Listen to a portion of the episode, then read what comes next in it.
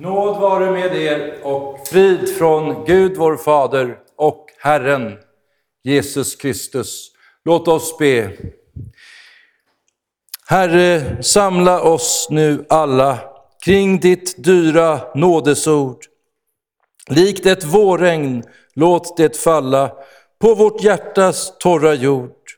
Värdes oss din ande sända och din eld ibland oss tända.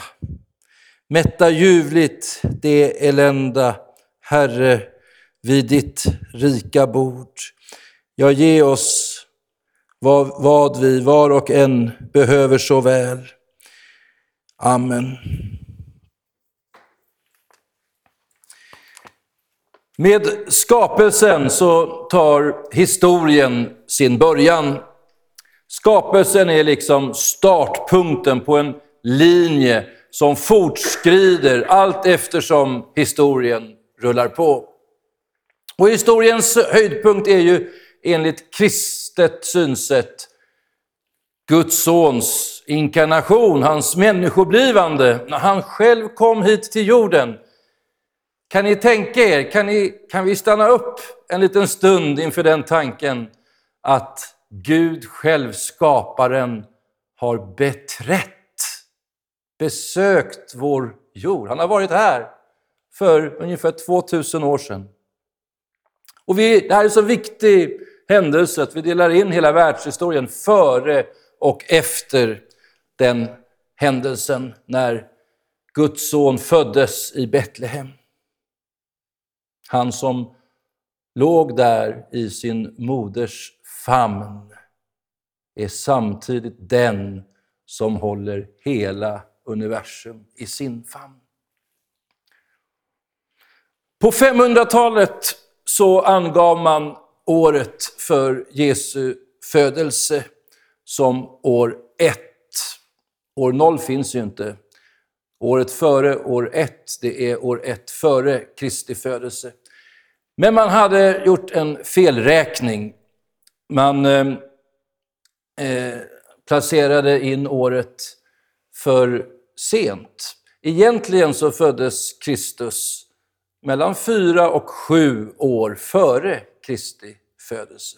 Så egentligen hålls inte det här föredraget 2023 år efter Kristi födelse, utan någonstans mellan 2027 och 2031 efter den födelsen, den händelsen. Historien har också en slutpunkt som vi närmar oss.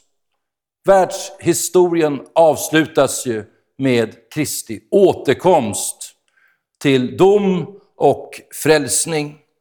Det är också den dag då de nya himlarna och den nya jorden skapas, där bara rättfärdighet bor.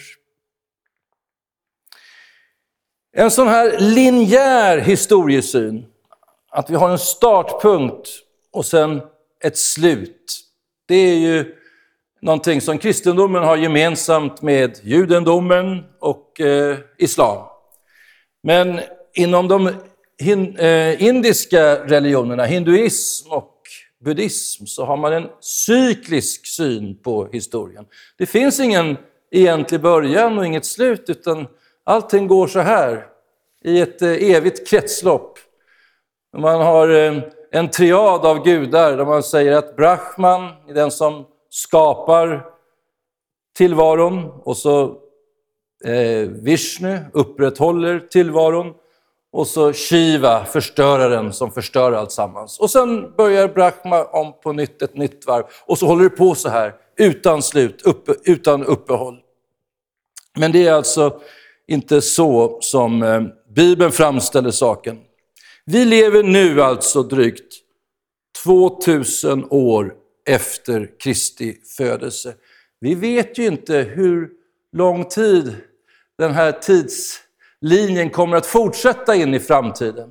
Hur länge världshistorien varar.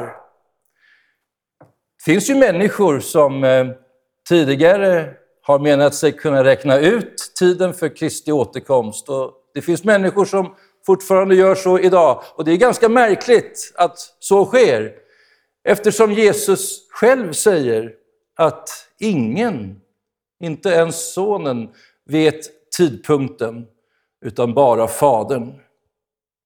Inom parentes sagt så vet Jesus Kristus förstås idag när han ska återkomma hit till jorden. När han eh, fällde det här uttalandet att inte ens sonen vet så skedde det under det som vi kallar hans förnedringstillstånd. Det vill säga, han använde inte alla sina gudomliga egenskaper, i alla fall inte hela tiden. Utan han avstod till exempel från sitt allvetande. Men nu är han i sitt härlighetstillstånd och på tronen i tillvarons mitt så använder han förstås alla sina gudomliga egenskaper fullt ut. Till exempel sitt allvetande. Men eh, ställer vi nu frågan, hur långt bakåt går världshistorien? Hur många år sedan var det som Adam och Eva skapades? Så kan vi svara att världen, den har inte alls funnits till så värst länge som människor i allmänhet tror. Jordklotet är ungt. Det är kanske någonstans mellan 6 och 10 000 år. 6 000 år säger jag, eh, om man då adderar ihop alla släktregistren i Bibeln, eh, generationerna där. Eh, han som hette si och så var så gammal när han fick den sonen och så vidare och så vidare. Så kommer man upp ungefär 6 000 år. Men det eh, finns en del forskare som säger att de här släktregistren inte är fullständiga. Det kan finnas eh, gap ibland. Ungefär som man kan säga att Jesus är Davids son. Fast egentligen så är det många generationer mellan David och Jesus. Så kanske det är så i släktregistren, vi vet inte. Men om så skulle vara så kan man ändå inte lägga till massor med tusentals år. Men ett svar brukar vara mellan 6 och 9 10 000 år kanske. Men eh, nu måste vi ställa den viktiga frågan då.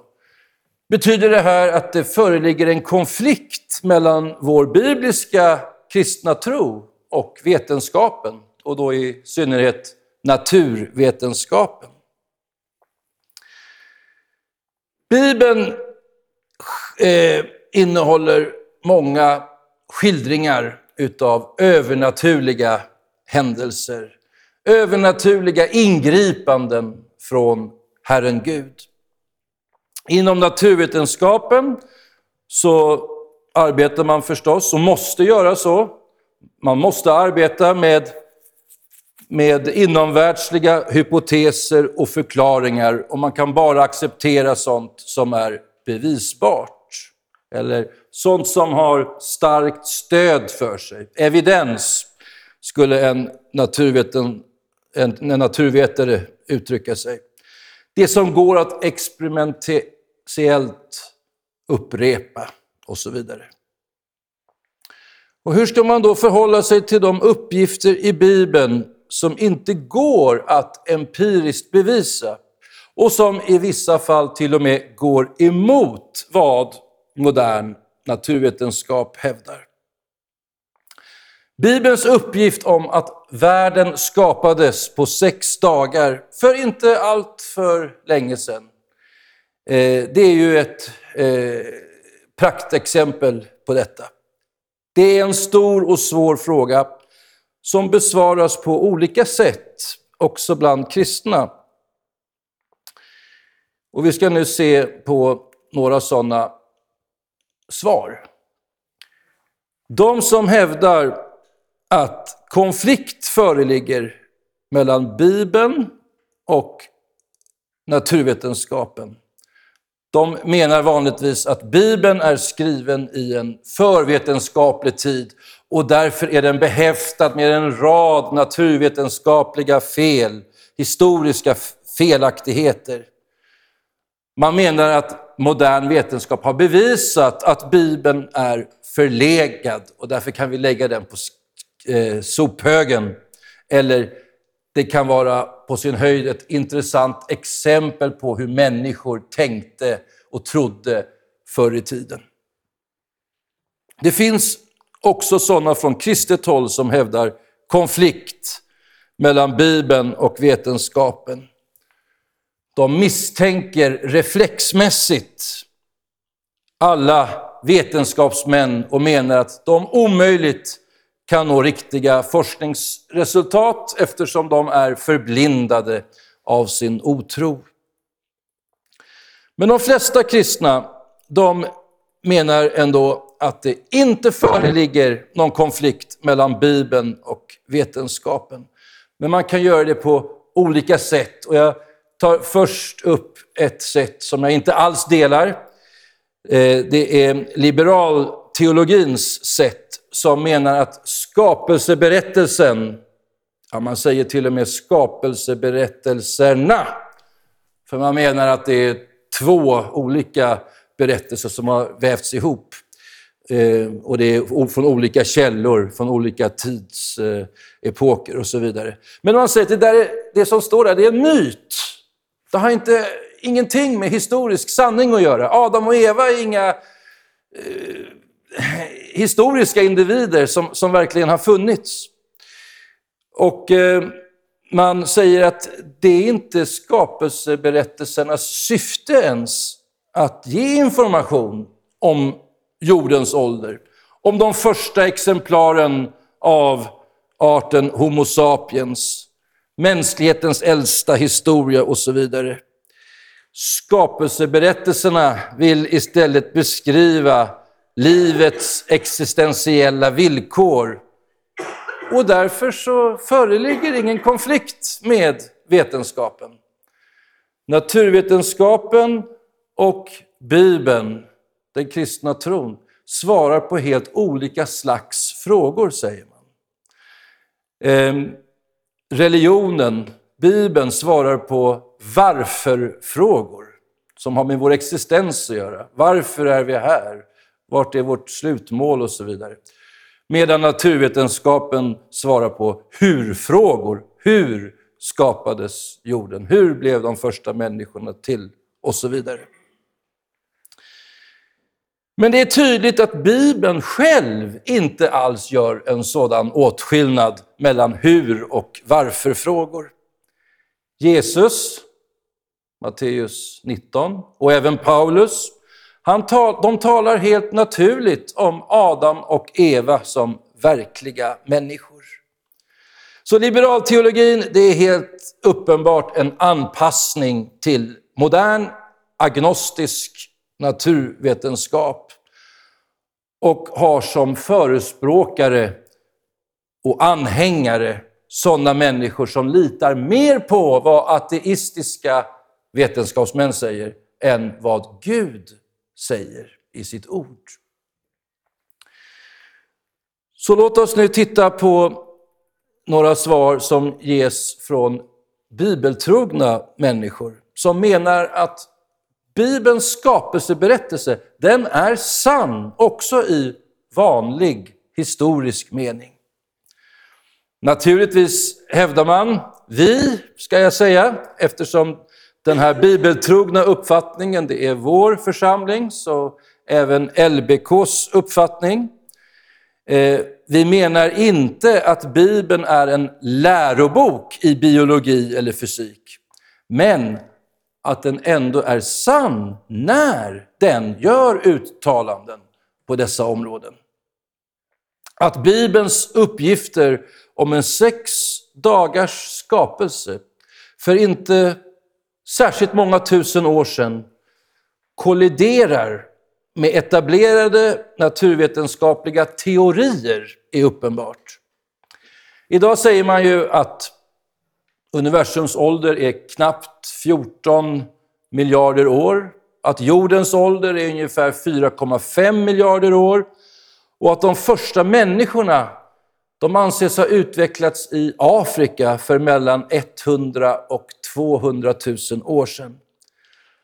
Men hur kan vi då hävda att vetenskap och Bibeln inte kolliderar?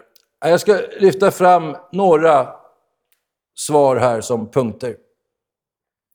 För det första så kan man peka på att vetenskapen är en mänsklig aktivitet och därför, precis som allt annat mänskligt, ofullkomligt.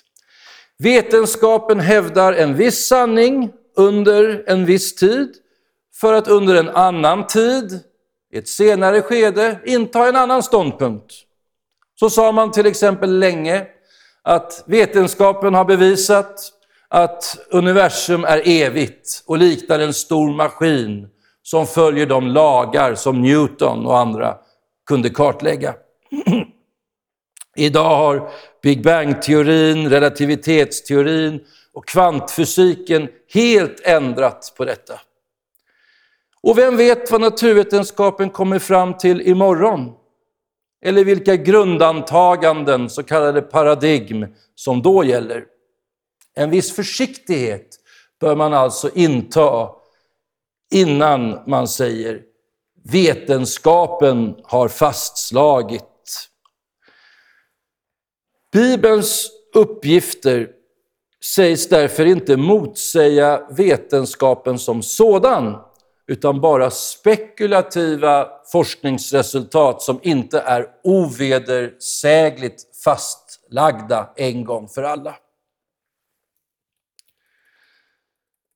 Sen eh, hör man ofta eh, kristna säga att eh, skapelseberättelsens dagar inte behöver vara 24 timmars dygn, utan längre tidsperioder som liksom bara benämns eller kallas för dagar.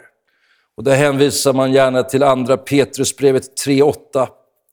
Men en sak får ni inte glömma, mina älskade, för Herren är en dag som tusen år och tusen år som en dag. Men eh, det där är inte något bra lösningsförslag.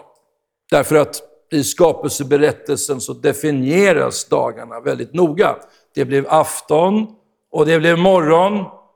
Det var den första dagen. Det blev afton och det blev morgon. Det var den andra dagen och så vidare. Och i eh, Andra Mosebok kapitel 20, där vi får tio Guds bud, så står det om det tredje budordet, om vilodagen, att Israel ska vila eh, den eh, eh, sjunde dagen därför att Gud vilade också när han hade skapat efter sex dagar, så vilade Gud en dag. Eh, det var inte så att eh, Israel skulle arbeta i 6000 år och sen vila 1000 år. Utan det är just dygn det handlar om. Så som Gud hade skapat i begynnelsen, så skulle också Israel arbeta sex dagar och vila en dag. Ja, eh, sen kan man också eh, påpeka att vetenskapen kommer för det mesta till riktiga resultat. Men när det gäller att mäta tid bakåt i historien så blir det väldigt osäkert. Man har olika mätmetoder. Kol-14 är den mest kända, tror jag. Eh, men eh, man kan komma ibland till radikalt varierande resultat. Eh, och vad är det som säger egentligen att de processer som vi idag kan iaktta i naturen alltid har skett med samma hastighet som vi kan iaktta nu? Det här är ett eh, antagande som man har gjort bara. Det kallas för uniformism. Alltså att allt det vi kan se idag, det har alltid gått till på samma sätt med samma hastighet. Men det är ett helt obevisat antagande. Eh, processer kan ju ha gått mycket snabbare när jorden var ny och sen med tiden går det långsammare. Sen så finns det ju tecken över vår jord på att det har skett en stor katastrof en gång för några tusen år sedan. Syndafloden. Men om inte syndafloden hade skett, då skulle man ju till exempel med fog kunna tänka att fossil som vi ser, det måste ha tagit tusentals eller miljoner år för det. Men om det har varit en katastrof här på jorden, vilket Bibeln skildrar, med extrema klimatförändringar och temperaturskillnader och sånt där, så kan fossilering ske mycket fort. Och man har också hittat trästammar som skär genom jordlager, där man med eh, eh, den här vanliga eh, standarduppfattningen att, att varje jordlager motsvarar några hundratusen år, så ser man att en och samma trästam kan skära genom eh, hundratusentals så kallad uniformistisk tid. Då. Eh, och då förstår man att det kan inte ha gått så långsamt, utan det måste ha gått, gått väldigt hastigt. Nämligen när den stora floden kom. Sen så finns det också en väldigt intressant tanke att jorden har en skenbar eller en slags inbyggd ålder. Liksom Adam och Eva skapades i färdigt skick. De var ju fullvuxna eh, på dag sex av världshistorien. Skulle vi sätta oss i en tidsmaskin nu och färdas tillbaka till dag sex av världshistorien, till Edens lustgård och träffa Adam och Eva där, iaktta dem. Och så skulle vi ställa frågan, hur länge har de varit här i Edens lustgård? Hur gamla är de? Ja, vi kanske skulle tro att de var 25-30 år eller något sånt. De var ju vuxna. Men de var ju framskapade just den dagen. De var ju bara några timmar gamla. Och det, så, så är det med allting här i universum. När, när skapelseberättelsen beskriver hur allting blev till så blev ju allting i färdigt skick. Eller hur? Tänk på det första undret som Jesus utförde. Det var vid ett bröllop i Kana. Och vinet tog slut. Det var ju pinsamt för världen då. Men Jesus, han eh, eh, eh förvandlade då de här eh, kärlen med vatten till vin. Och när de drack av det där vinet så blev de förvånade. Det var det bästa vin, vinet. Det var mycket bättre än det de hade fått när de först hade kommit till festen. Normalt brukar man ju spara, eller man brukar ge det bästa vinet först och sen när folk blir lite mindre nogräknade så ställer man fram det sämre vinet. Men här var det tvärtom, man hade sparat det bästa till sist. Och skulle man ha frågat någon där, eh, hur länge tror du det här vinet har legat och, och lagrat till sig så här för att få en sån här utsökt smak? Ja, det är något årgångsvin som säkert har många år på nacken, men det var ju framskapat i stunden med denna skenbara eller inbyggda ålder. När jag förresten ändå är inne på det så eh, vill jag också citera Esaias Tegnér som när han var skolpojke så fick han hans klass uppgiften att skriva en uppsats om bröllopet i Kana.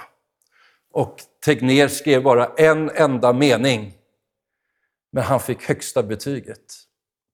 Och meningen löd Vattnet såg sin skapare och rodnade.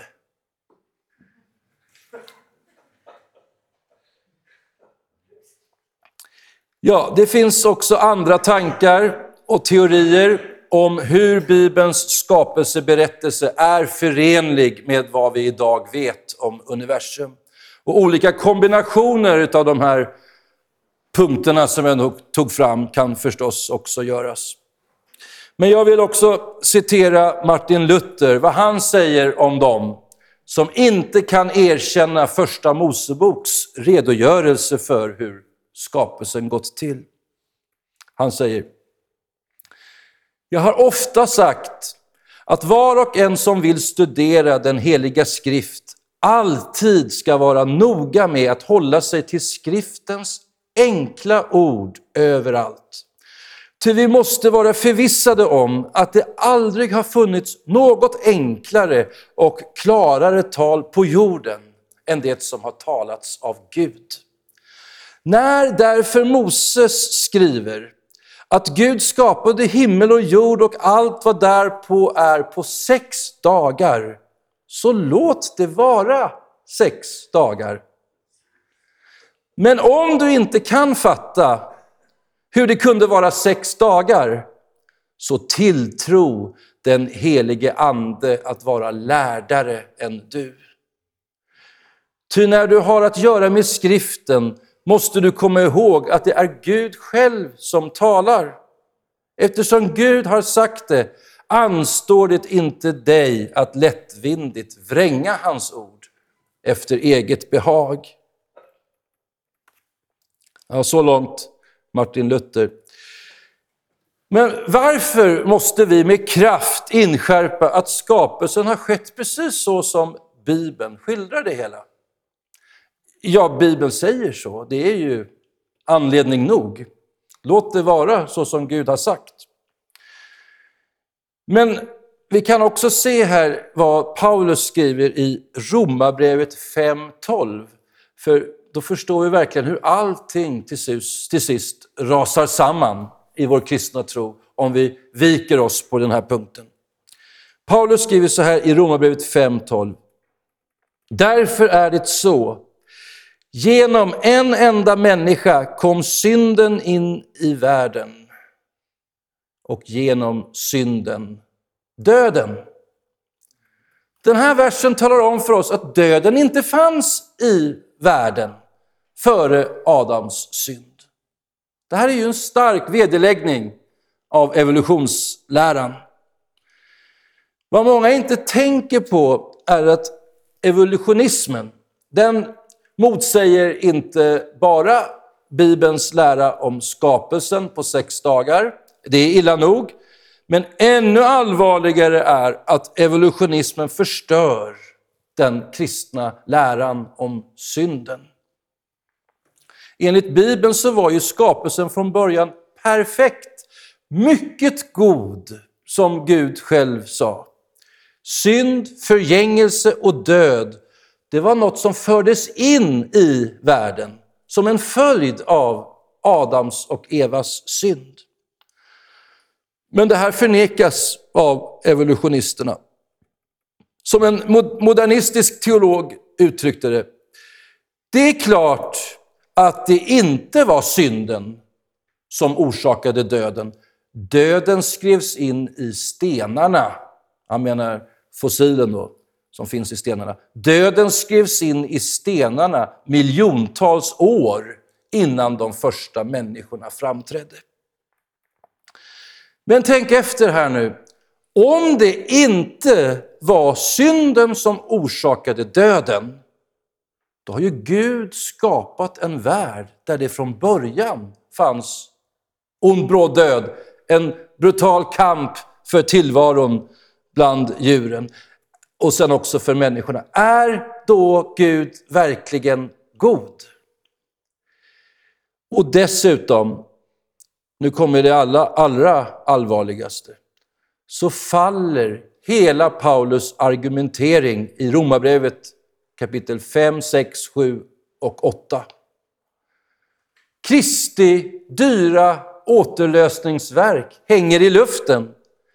Bibeln lär ju att liksom, eh, förlåt, liksom en endas fall, Adam, ledde till fördömelse för alla människor, så har en endas rättfärdighet, Kristus, lett till eh, ett frikännande, till liv för alla människor.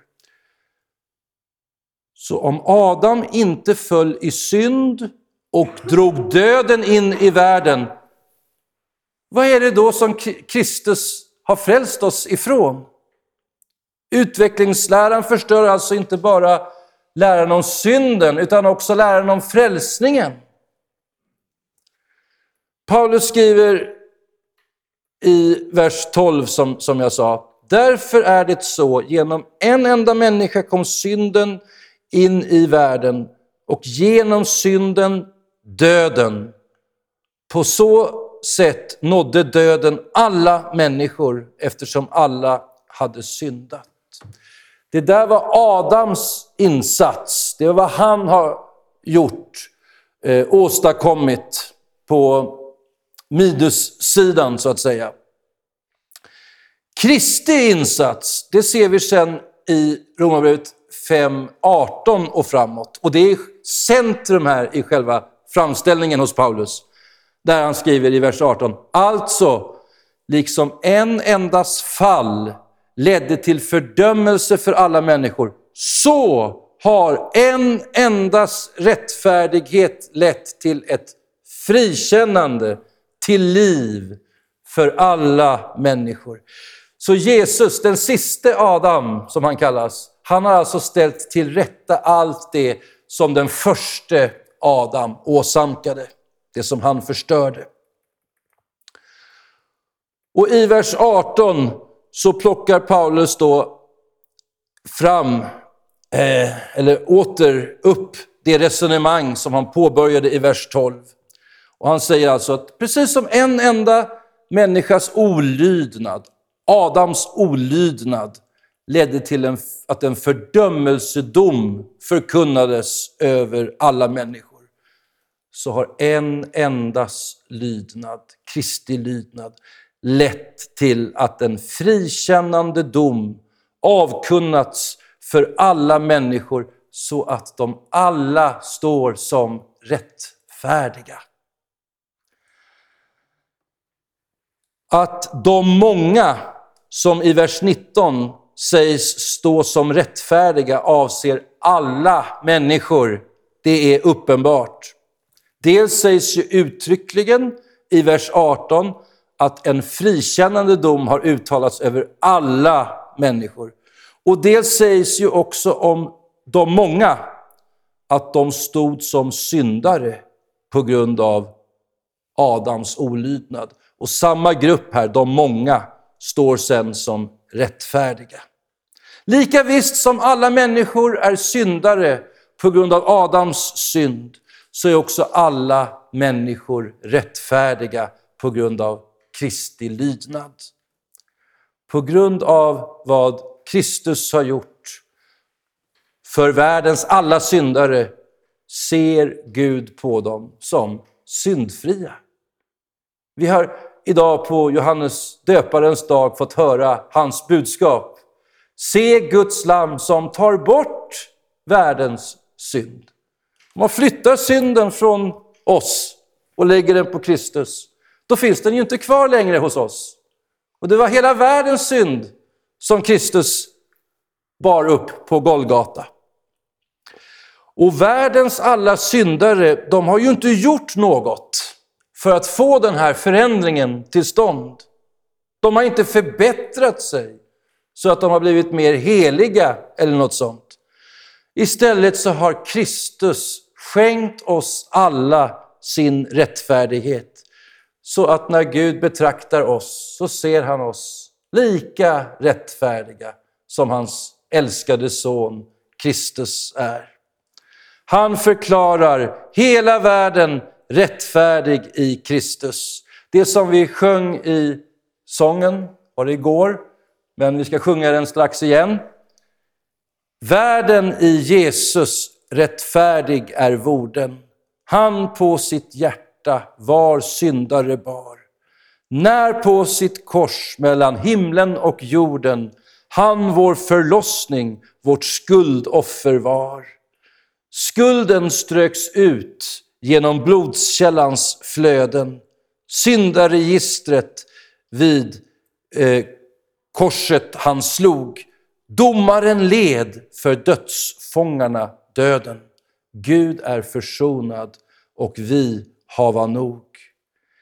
Mildaste Jesu, min salighetsklippa, jag din förtjänst mig tillägnar som min. Dig vare lov, jag min otro fått slippa. Jag står inskriven i såren som din. Förr skall du neka dig själv och din fader, förrän jag därur utstruken kan bli. Därför jag sjunger förnöjder och glader, snaran är sönder och fågeln är fri. Paulus säger sen att den här frikännande domen, denna rättfärdighetsförklaring leder till liv för alla människor. Vers 20. Och detta livgivande, det sker när rättfärdiggörelsen tas emot i tro. Det är då som Kristi frälsningsverk blir till liv för människorna. Och löftet om detta, det gäller alla. Tro på Jesus och hans frälsning, att han har vunnit evigt liv åt dig. Och du har det precis som du tror. Amen. Låt oss be. Vi tackar dig, vår käre Fader i himmelen, att du har skapat världen så underbar. Vi kan fortfarande idag se spår av den ursprungliga skönhet som fanns före fallet. Tack att du har skapat oss. Tack ännu mer att du har gjort oss till dina barn i det heliga dopet. Tack att du har bevarat oss i den frälsande tron. Vi eh, tackar dig för det underbara evangeliet, att genom din son Jesus Kristus så är vi frälsta. Vi ber att du bevarar oss i denna tro alla våra dagar. Och vi ber också för vänner och för familjemedlemmar som fortfarande lever i mörkret, i andlig blindhet och död. Vi ber att detta frälsande ljus ska gå upp för dem. Vi tänker nu särskilt och lägger fram dem som vi tyst nämner inför dig.